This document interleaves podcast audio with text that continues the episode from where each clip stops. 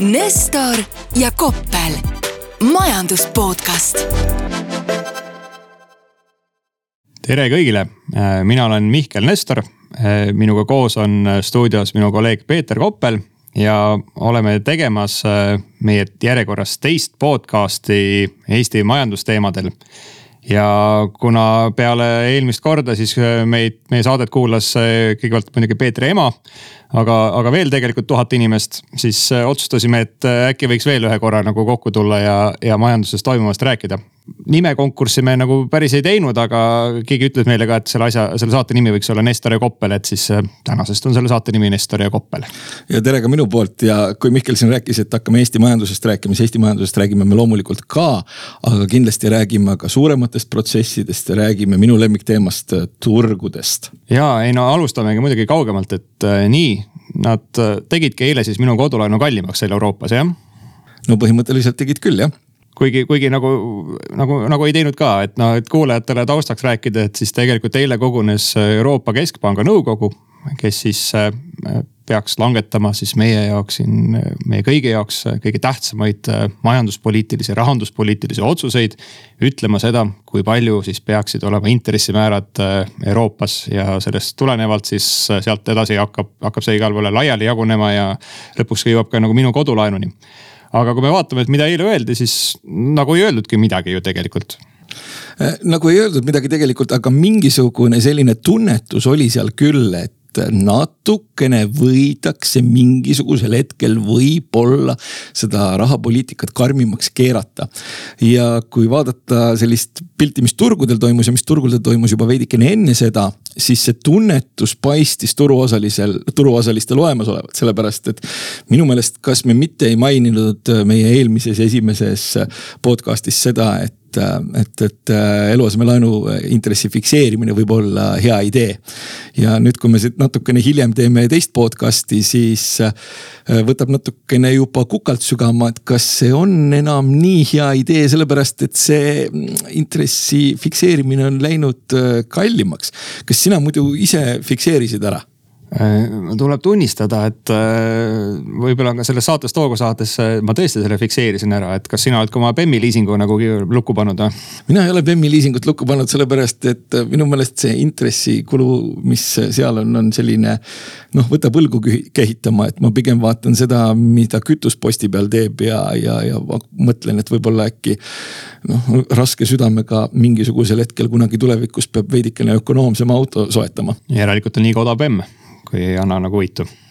järelikult äh, on liiga vähe pappi aga no muidugi tulles tagasi nagu selle juurde, et minu meelest midagi ei öeldud, et see ei, ei takista siis sellist majandusanalüütikute eriklassi nagu keskpanga jälgijad, et äh, noh, see on tegemist tõesti nihukeste, vabandust väljendused nagu haigete maniakidega, et äh, nemad leiavad nagu kinnituse oma arvamusele ükskõik millest seal, et ei pruugita selle nagu koosoleku jooksul öelda nagu sõnagi selle kohta, et intressimäärad tõusevad. noh, mida nemad lähevad, kirjutavad kohe kahe minuti pärast oma analüüsi on see, et intressimäärad tõusevad sellel aastal.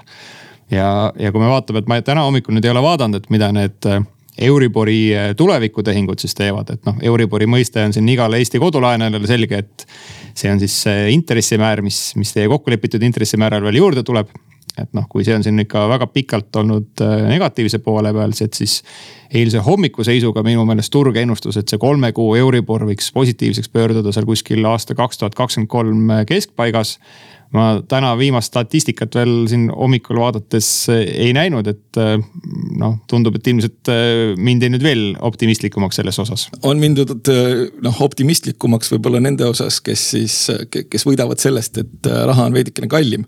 noh, laenuvõtjad nende hulka ei kuulu, aga selline positiivsuse noodikene oli juba eile tunda novembris kaks tuhat kakskümmend kaks. oi jumal, selle peale, mis itaallased ütlevad Mamma mia. Ja et noh, minu jaoks nagu põnev on nagu jälgida, et kuhu, kuhu maale need äh, intressimäärad siis äh, tegelikkuses nagu liikuda saavad üldse Euroopas, arvestades seda, mis siin nagu kogu selle kriisi vältel jälle on nagu toimunud äh, riikide, riikide võlakoormusega.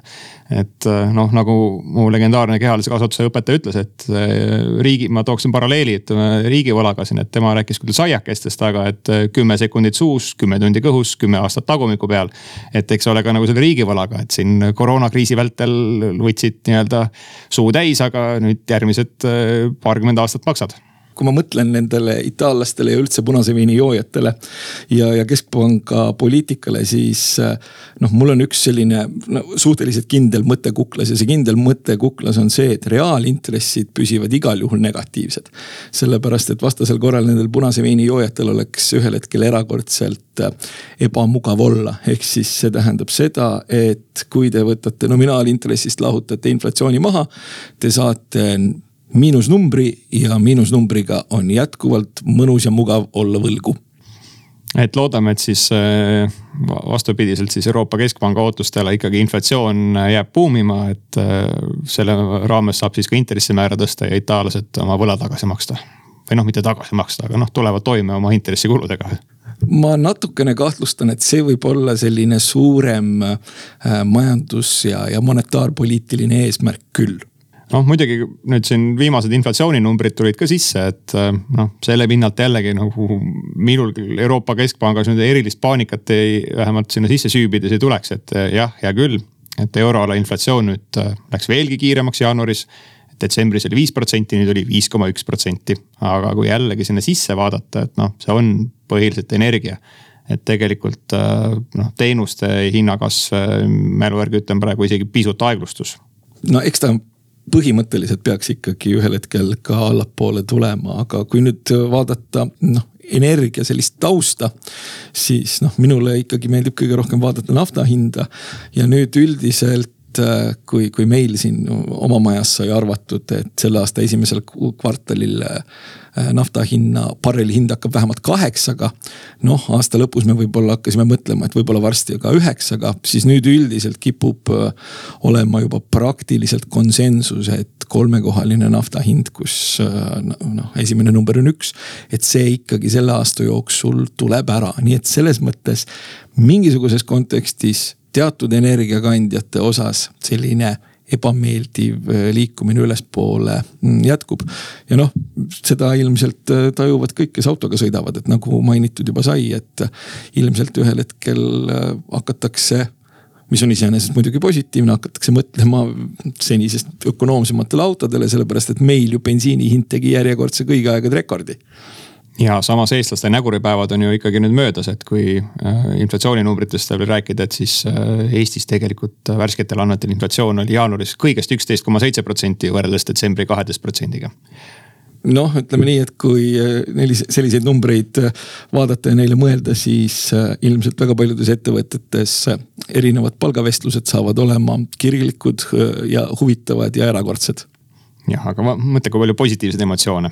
aga tegelikult lisaks Euroopale siin mõnda aega tagasi juba küll äh, räägiti intressimääradest ka USA-s, et seal kogunes äh, kohalik äh, keskpank ehk föderaalreserv ja, ja oli veelgi ikka palju jõulisem, kui, kui siin Euroopas ollakse, et mida sellest arvata? no sellest arvata seda, et nad tegelikult on ikkagi oma tsükliga Euroopast ees ja neil tegelikult läheb paremini. Läheb paremini kasvu osas, läheb paremini tööturu osas ja see on tekitanud ka noh, ja, ja selline üldine kontekst, eks ole, kus olid need tarneahela probleemid ja, ja pandeemiaga seotud selline rahatrüki gaasi põhja panemine. et ka neil on inflatsiooniprobleem tõsine ja nüüd nad üritavad seda ohjata ja see ohjamine sisuliselt tähendab seda, et äh, sellel aastal võib Ühendriikide Föderaalreservilt oodata praeguse seisuga nelja kuni viite intressi tõstmist. mis on ikkagi nii-öelda päris palju ja selle tsükli käigus üldiselt leitakse, et äh, noh, suure tõenäosusega võiks äh, see selline keskpanga baasintress nüüd tõusta kuskil veidikene üle kahe ja seda üle, üha, üle kahe nähakse ka sellise neutraalse tasemena, kus siis põhimõtteliselt äh, inflatsioon on kontrolli all, aga töö, tööturg ja tööhõive, et need sellega on nii-öelda väga hästi. et selle tsükli käigus baasintress kaks või veidikene üle ja noh, loomulikult selline arusaam tekitab korralikku nii-öelda üle, ümber, üle, kuidas öelda, rullimist turgudel, sellepärast et seda on natukene rohkem kui veel eelmise aasta lõpus nii et see ongi siis Föderaalreservi süü, et mis toimub praegu siin äh, Facebooki aktsiaga? Äh, Facebooki aktsiaga toimub nüüd võib-olla päris otseselt ei ole Föderaalreservi süü, et seal on ka ikkagi ettevõtte spetsiifiline problemaatika, et noh. olgem ausad, Facebook ei ole enam äh, nii popp, kui ta mõni aeg tagasi ja seal üldiselt kipuvad olema sellised noh, kuidas nüüd öelda, vanemad inimesed nagu mina näiteks, et noortele see väga ei meeldi ja see annab, annab, annab tunda, aga taustal on tegelikult äh, Föderaalreservi äh, tegevuse suhtes ootused noh, sisuliselt kõigil ettevõtetel, kes kasvavad, kellel on suur võlakoorem ja kellel on väga kõrged valuatsioonid, sellepärast et noh, kui me mõtleme mingisugusele sellisele fundamentaalselt õigustatud hinnatasemele. selle mõõtmiseks on mingisugune mudel, noh, ütleme näiteks Excelis, Exceli nurgas on sihukene väikene väikene, kuidas öelda, lahter, kuhu siis panna nagu intressimäära ja siis see ütleb, et mis sul siis see aktsia õigustatud väärtus on. mida kõrgema intressimäära sa sinna paned, siis tegelikult seda madalama õigustatud hinnataseme sa saad, sellepärast et sul on ju võimalik raha riskivabalt üha kõrgema intressiga ära paigutada. ja see on selle tehnoloogiasektori mm, nii-öelda hädade ja murede taustal küll. ja kasvuettevõtete murede taustal ja kõrge võlakoormaga ettevõtete murede taustal küll. no Peeter, nüüd ma olen igatahes väga üllatunud, et mina arvasin küll, et inimesed, kes investeerivad USA tehnoloogia aktsiatesse, et neil see nagu õiglase väärtuse küsimus, et see mingisuguse föderaalreservi intressiprotsendiga küll seotud ei ole noh, ütleme niimoodi, et erainvestoritel väga sageli ei olegi, et nemad vaatavad, et läheb õiges suunas ja läheb ilusa hooga, et nüüd võtame, istume peale, et noh, kuidas öeldakse selle kohta. Momentum trader näiteks. aga kui me vaatame mingisuguseid institutsionaalseid investoreid, siis noh, nemad vaatavad ühel hetkel küll, et okei okay,. intressid lähevad üleks, ülesse, ma võtan lihtsalt mulle küll aktsiad jätkuvalt meeldivad, aga ma tekitan väikse rotatsiooni millestki sellisest, mis on kallis, millessegi sellise, millessegi sellisesse, mis on öö, odavam. ja seda on tegelikult turul olnud ka väga selgelt näha. et kui vaadata, et palju on mingisugused sellised kasvu- ja tehnoloogiaettevõtted tegelikult kasvõi oma eelmise aasta tippudest äh, alla tulnud. ja kui vaadata, et kust, kuhu raha läheb siis tegelikult see rotatsioon äh, toimib päris ilusti. teine asi, mis on võib-olla oluline, on see, et, et kui sa nüüd mainisid äh, selliseid tegelasi, kes turul osalevad ja võib-olla nüüd mingisugusest äh, fundamentaalsest väärtusest mitte midagi kuulda ei taha või, või, või teada. siis noh, nendega kipub olema niimoodi, et noh, nad kipuvad olema võib-olla natukene liiga pingulomadega, ehk siis nad on võib-olla võtnud mingisuguseid positsioone sellise raha eest, mida nad võib-olla päris ei tohiks turule panna. viiskümmend protsenti portfellist Tesla all ei ole nagu okei okay, või? Äh, viiskümmend protsenti Tesla all ei ole jah, päris okei okay., et äh, kui sa just ei ole nagu onu Elon isiklikult, et siis võib-olla on päris okei okay.. aga, aga noh see tekitab sellise olukorra, et kui nad siis näevad, et mingisugune konkreetne aktsia, millesse nad on ära armunud hakkab äh, päris ilusa hooga oma tipust allapoole tulema, siis nad ju muutuvad suhteliselt närviliseks. ja, ja kui on võimalus kasutada veel stop loss'e, siis need stop loss'id lähevad tšiuh-tšiuh-tšiuh-tšiuh käima ja niimoodi me need äh, nii-öelda kahekohalise protsendimääraga mõõdetavad langused mitte just võib-olla kõige pikema perioodi jooksul saamegi nii, aga, aga mina lugesin täna hommikul äh, Facebookist äh, finantsvabaduse kommuunist äh, tehnilist analüüsi USA aktsiaturu kohta, mis ütles, et bear market on läbi. kõigil oli võimalus osta Nasdaqi aktsiaid, kas keegi kahetseb, et ta seda ei teinud? vähemalt correction on nüüd läbi, ehk homme on veel aega. Nasdaq siiski miinus kümme protsenti võrreldes mõne kuuga, ostke tippi ostke tippi, ostke täppi, aga noh, tehnilise analüüsi kohta mina ütlen küll julgelt, et see on astroloogia keskealistele meestele noh, ega see majandusanalüüsimine üldse on selline valdkond, aga ärme, ärme kuulajatele räägi. noh, tõsi. Aga, aga üks sihuke termin veel, mis on nagu olnud äh, noh, siin viimase paari aasta jooksul äh, need isegi minule kõrvu jäänud, on äh, tina. ja ei räägita siis metallist ega proua Turnerist, vaid et sellest, et there is no alternative ehk siis tegelikult aktsiatel ei ole mingisugust alternatiivi aga nüüd, kui me näeme, et Föderaalreserv on asunud nii jõuliselt tõstma intressimäära, et kas nagu lõpuks ma saan nagu oma aktsiaportfelli maha müüa ja jälle hakata investeerima riigi võlakirjadesse vot sellega on noh, kui sa küsid seda nagu konkreetselt täna, siis ja vaadates seda, mis jaanuarikuus ka börsil toimus, siis ka mõned kohalikud äh, gurud juba tasapisi ütlesid, et see tina on nüüd läbi ja nüüd kõik on kallis ja nüüd kõik läheb halvasti ja üleüldse noh, põhimõtteliselt võtame voodilina ümber ja läheme surnuaeda ja kaevame endale augu ja, ja tõmbame ise mulla peale, et noh, aktsiaturgudega on nüüd nii nagu on. aga see, selle tinaga või alternatiivi puudumisega no ei saa öelda, et ta päris läbi oleks, sellepärast et kui sa nüüd hakkad mõtlema, et kuhu sa saad raha panna. kas sa saad panna tõusvate intresside keskkonnas võlakirjadesse? ei sellepärast et kui sa neid täna ostad ja intressid tõusevad, sa saad kohe kapitalikahju kirja. nii, siis sul jäävad, jääb üle kinnisvara, siis sul jäävad üle toormed ja siis sul jäävad üle aktsiad. noh, kinnisvara paljudki võib öelda, et väga paljudel on juba nii-öelda mingisugune konkreetne positsioon selles. noh, loodetavasti, loodetavasti laenuga ja loodetavasti odavalt soetatud. või kui on palju soetatud, siis loodetavasti normaalse renditulususega. Mustamäe kümne ruutmeetrised investeerimiskorterid. kasvõi no kui on renditulusus, siis miks, miks mitte, nii okei okay,, kinnisvaras juba on positsioon, toormed, no mõned põevad sellepärast, et oi kui palju on tõusnud juba ja ei tea, mis edasi saab. ja mis siis üle jääb? Üle jäävad ikkagi aktsiad ja siis sa hakkad otsima põhimõtteliselt midagi sellist, millel oleks potentsiaali ja millel oleks sellist väärtust. või mis oleks vähemalt sellist üldist konteksti vaadates äh, odav. ehk siis nendel aktsiatel sellist alternatiivi ikkagi olema ei kipu. ja kui nüüd mõni ütleb, et äh, noh, cash is king ja, ja, ja alternatiiv on see, et istud, istud rahas. siis noh, loomulikult alati saab istuda rahas, aga rahas istumine saab olla ainult mingisugune ajutine teema. sellepärast et lõppude lõpuks meil on ju ikkagi inflatsiooniline keskkond ehk siis äh, kõik see raha, mis siin ühel päeval välja voolab, äh, voolab järgmine päev tagasi ja, ja hakkabki nii olema või? no põhimõtteliselt ma kahtlustan küll, et, et, et selline keskkonna muutudes ja seda, et kui tajutakse, et seda alternatiivi tegelikult ei ole, siis äh, noh, ma arvan, et volatiilsus ilmselgelt jätkub ja ma arvan, et aktsiaid varaklassina tegelikult maha ei maeta sellepärast et äh, noh, kui me nüüd ka mõtleme, et, et äh, noh, meie siin investeerime, eks ole, ostame piima ja leiba eurode eest ja siis mõõdame ka oma portfelli tootlust eurodes. siis noh, meil ei ole ka mingisuguseid selliseid võlakirju, kuhu, kuhu raha panna ja veidikenegi, veidikenegi teenida. et äh, noh, Euroopa võlakirjaturg on selline, noh kuhu raha paigutades sa saad öelda, et kui sa nagu vähemalt noh minimaalsegi plussi välja pigistad, siis on juba kõik väga hästi läinud. ja, ja dollaris ei saa võlga võtta, sellepärast et siis on valuutarisk. tasub vaadata, palju dollar äh, liigub euro suhtes äh, mingisuguse perioodi jooksul. eelmine aasta oleks väga tore olnud, sellepärast et dollar liikus kas vist mingi seitse protsenti euro suhtes kõrgemale.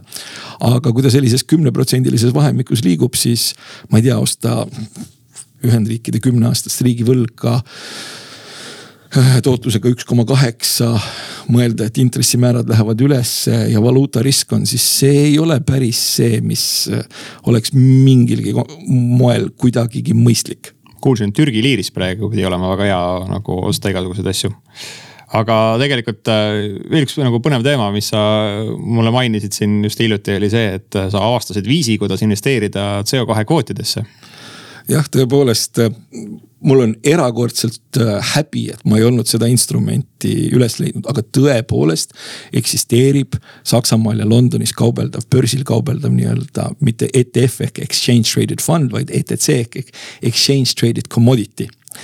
ja ongi siis põhimõtteliselt võimalik täiesti tavalisel inimesel, kes on, ütleme kunagi ostnud mingisugust börsil kaubeldavat fondi.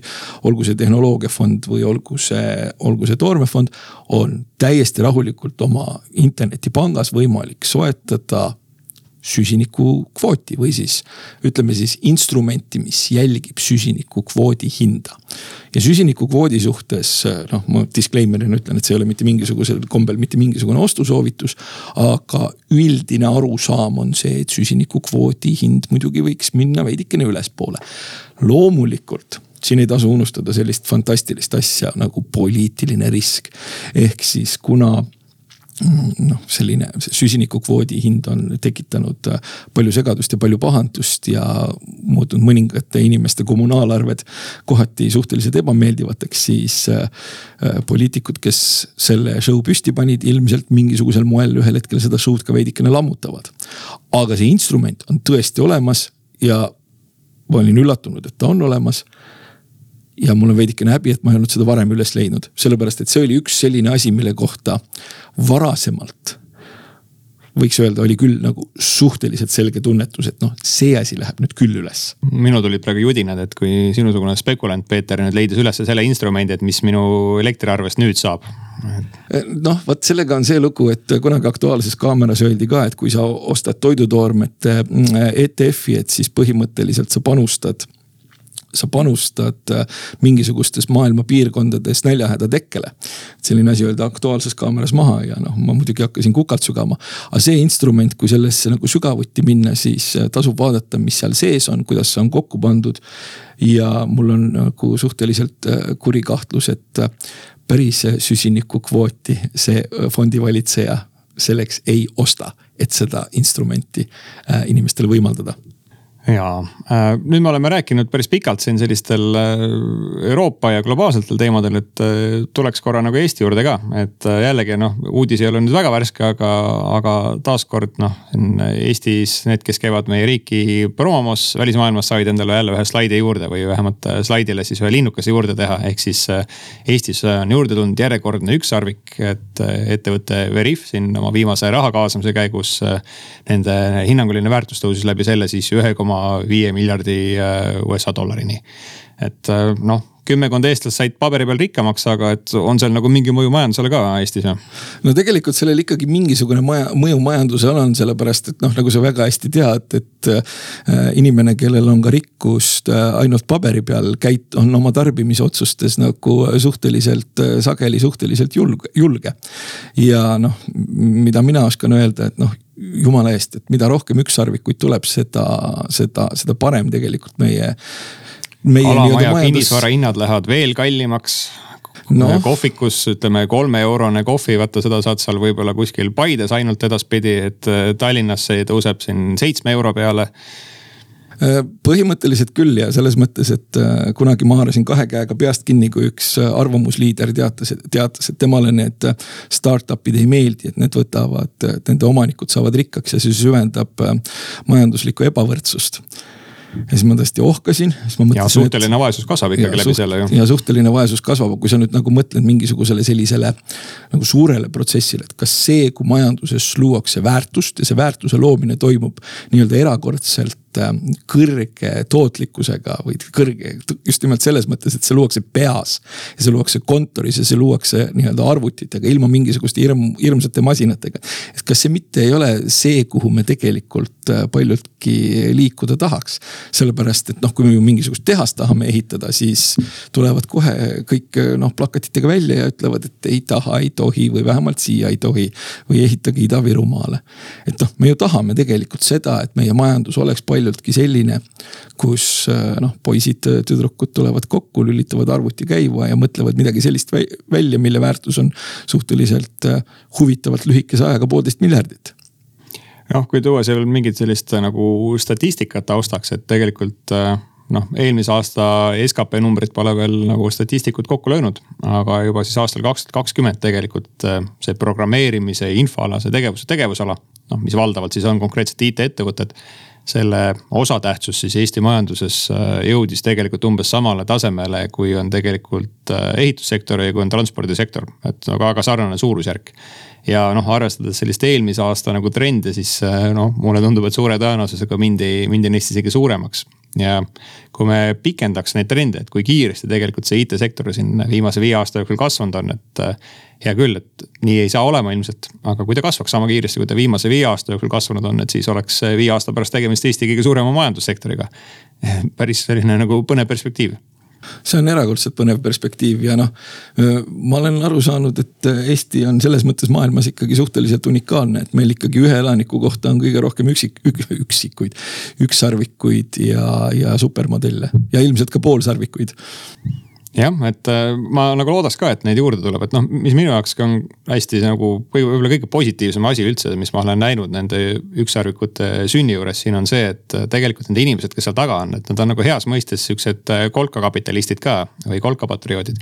Et see raha, mis nemad on sealt välja võtnud, et tegelikult seda on tagasi investeeritud ju Eesti majandusse ja noh, see on läinud ju laiemalt ringlusesse kui nüüd kitsalt mingisugune IT-sektor. et seda, seda ikka on nagu tõesti üritatud ka, ka teistesse tegevusaladesse investeerida see on tõesti positiivne, sellepärast et meil on äh, võib-olla äh, idanaabri puhul äh, näide, kus see protsess ei ole olnud selline ja kus seetõttu on jäetud noh, selliseks suhteliselt igavaks ja paraku ka korrumpeerunud toorme eksportööriks. et tegelikult idanaabril võiks minna väga palju paremini, kui see esialgu toormetest tehtud, tekitatud kapital oleks siis majandusse tagasi suunatud, mitte esimesel võimalusel nii-öelda Šveitsi ja Londonisse ära viidud.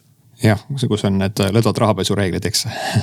Aga, aga mida idanaabrid meile andnud on, on vist äh, võõrtööjõudu äh, sellesse IT-sektorisse, et olen kuulnud päris nagu noh, jutu tasandil vähemalt päris palju sellest, et kuidas tulevad sellised noored andekad äh, Vene, Vene kodakondsed Eestisse tööle nendesse samadesse startup ettevõtetesse Äh, kusjuures tulevad tööle ja, ja, ja üüri, üürivad kinnisvara ja maksavad siin makse, et, et selles mõttes, et selline tark immigratsioon on kindlasti meie tööjõupuuduse kontekstis äh, positiivne areng, et siin ei ole selles suhtes vist ilmselt mingit küsimustki.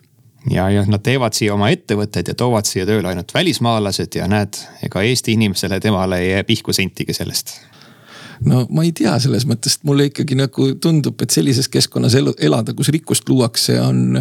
on kuidagi, kuidagi nagu parem kui sellises keskkonnas, kus rikkust ei looda, et, et võrdleme siin, ma ei tea, Ühendriike ja Prantsusmaad näiteks aga suhteline vaesus, suhteline vaesus tõuseb.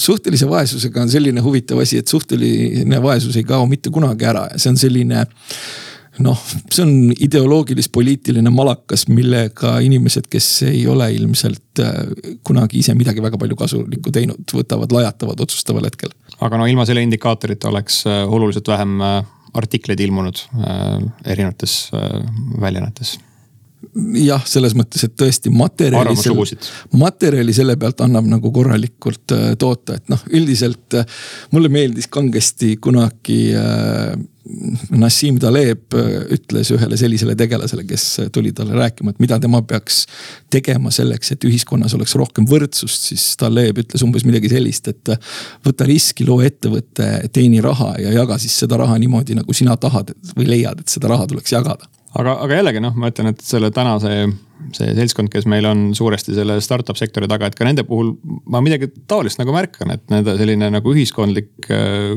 positsioon või, või rolli, mida nad täidavad, on äh, kuidagi teistsugune kui sellel, ütleme vanema koolkonna nagu ärimeestel, et. Äh, kui me räägime nendest inimestest, kes olid siis nagu kasvanud üles nõukogude ajal ja said lõpuks rikkaks, et noh. Nende tõeline unistus oligi endale oma villa ja, ja jaht osta ja nagu sellest piisas. Et mitte, et siis nagu selle uue põlvkonna nagu miljonäridel sellist unistust ei ole, aga nad on sellega kuidagi noh, nad ei lähe seda reklaamima. aga see-eest siin investeerivad võib-olla sellisesse nagu kogukonna tegevusse ja panevad siin üles erinevaid MTÜ-sid ja nende selline ühiskondlik positsioon tundub ka palju suurem olevat äh, kindlasti, aga sellega kipub olema võib-olla ka selline huvitav asjaolu, et kui me nüüd ausalt vaatame ja siis vaatame seda nii-öelda äh, rikkust, mida siis äh, noored nagu antud kontekstis loonud on, siis seda noh, rikas noor on siis võib-olla tänasel päeval nagu suurusjärgu võrra nagu on, on see rikkus suurem kui siis mingisugusel sellisel äh, võitjate põlvkonna onul. no, no peale villa ja kaatri ostmist no lihtsalt neil jäi isegi selle MTÜ jaoks veel raha üle, jah? no põhimõtteliselt küll, et äh, no ja selles ei ole mitte midagi halba. võib-olla ainult siis tõesti võitjate põlvkonna onu jaoks, kes mõtleb, et, et, et mina, mina ju olen see, kes peaks rikas olema ja kõige ja ilusam auto ja kõige nagu huvitavam, huvitavamas villas elama ja kogu aeg kroonika leheküljedel olema mina, mina, mina, aga noh, nende aeg on paraku läbi aga no üldiselt ikka tundub, et siis Eesti majanduse väljavaade on nagu positiivne, et ükssarvikuid tuleb juurde ja cappuccino hind Kalamaja kohvikus nagu tõuseb edasi, et niikaua kui, kui raha kaasamised õnnestuvad. no vot sellega ongi see, et kui me nüüd nagu mõtleme sellele, et, et mis tegelikult ka neid ükssarvikuid ja nende tekkimist paljudki toidab, ongi see, et raha on olnud erakordselt äh, odav, erakordselt lihtne kätte saada, et noh, mulle meeldib alati see selline noh, jahimehe võrdum või kus siis noh, parti lastakse haavlitega. et noh põhimõtteliselt, mida rohkem neid haavleid sealt torust nagu välja tuleb ja mida laia, rohkem laiali nad lendavad, seda suurem on tõenäosus, et ikkagi pardile pihta saadakse ja ta potsti maha kukub. ja, ja, ja tegelikult noh odav raha, kergelt kättesaadav raha on võimaldanud äh, katsete arvu märkimisväärselt kasvatada, jah. See on äh, kaunis lõpp, et äh, jumal õnnistagu siis keskpanku ja ärgu siis selline liigne kasinuse hind neid veel lehe all tabagu, et meil jätkuks neid parte, keda siin jagada. ja jumal õnnistagu kindlasti ka ettevõtjaid alati. Nii, aga, aga tänan seekord meid kuulamast, meil oli jälle Peetriga tore nagu pool tundi juttu rääkida ja ehk äh, kui Peetri ema meid jätkuvalt kuulab, siis äh, kohtume uuesti kahe nädala pärast. kõike head. Nestor ja Koppel, majandus podcast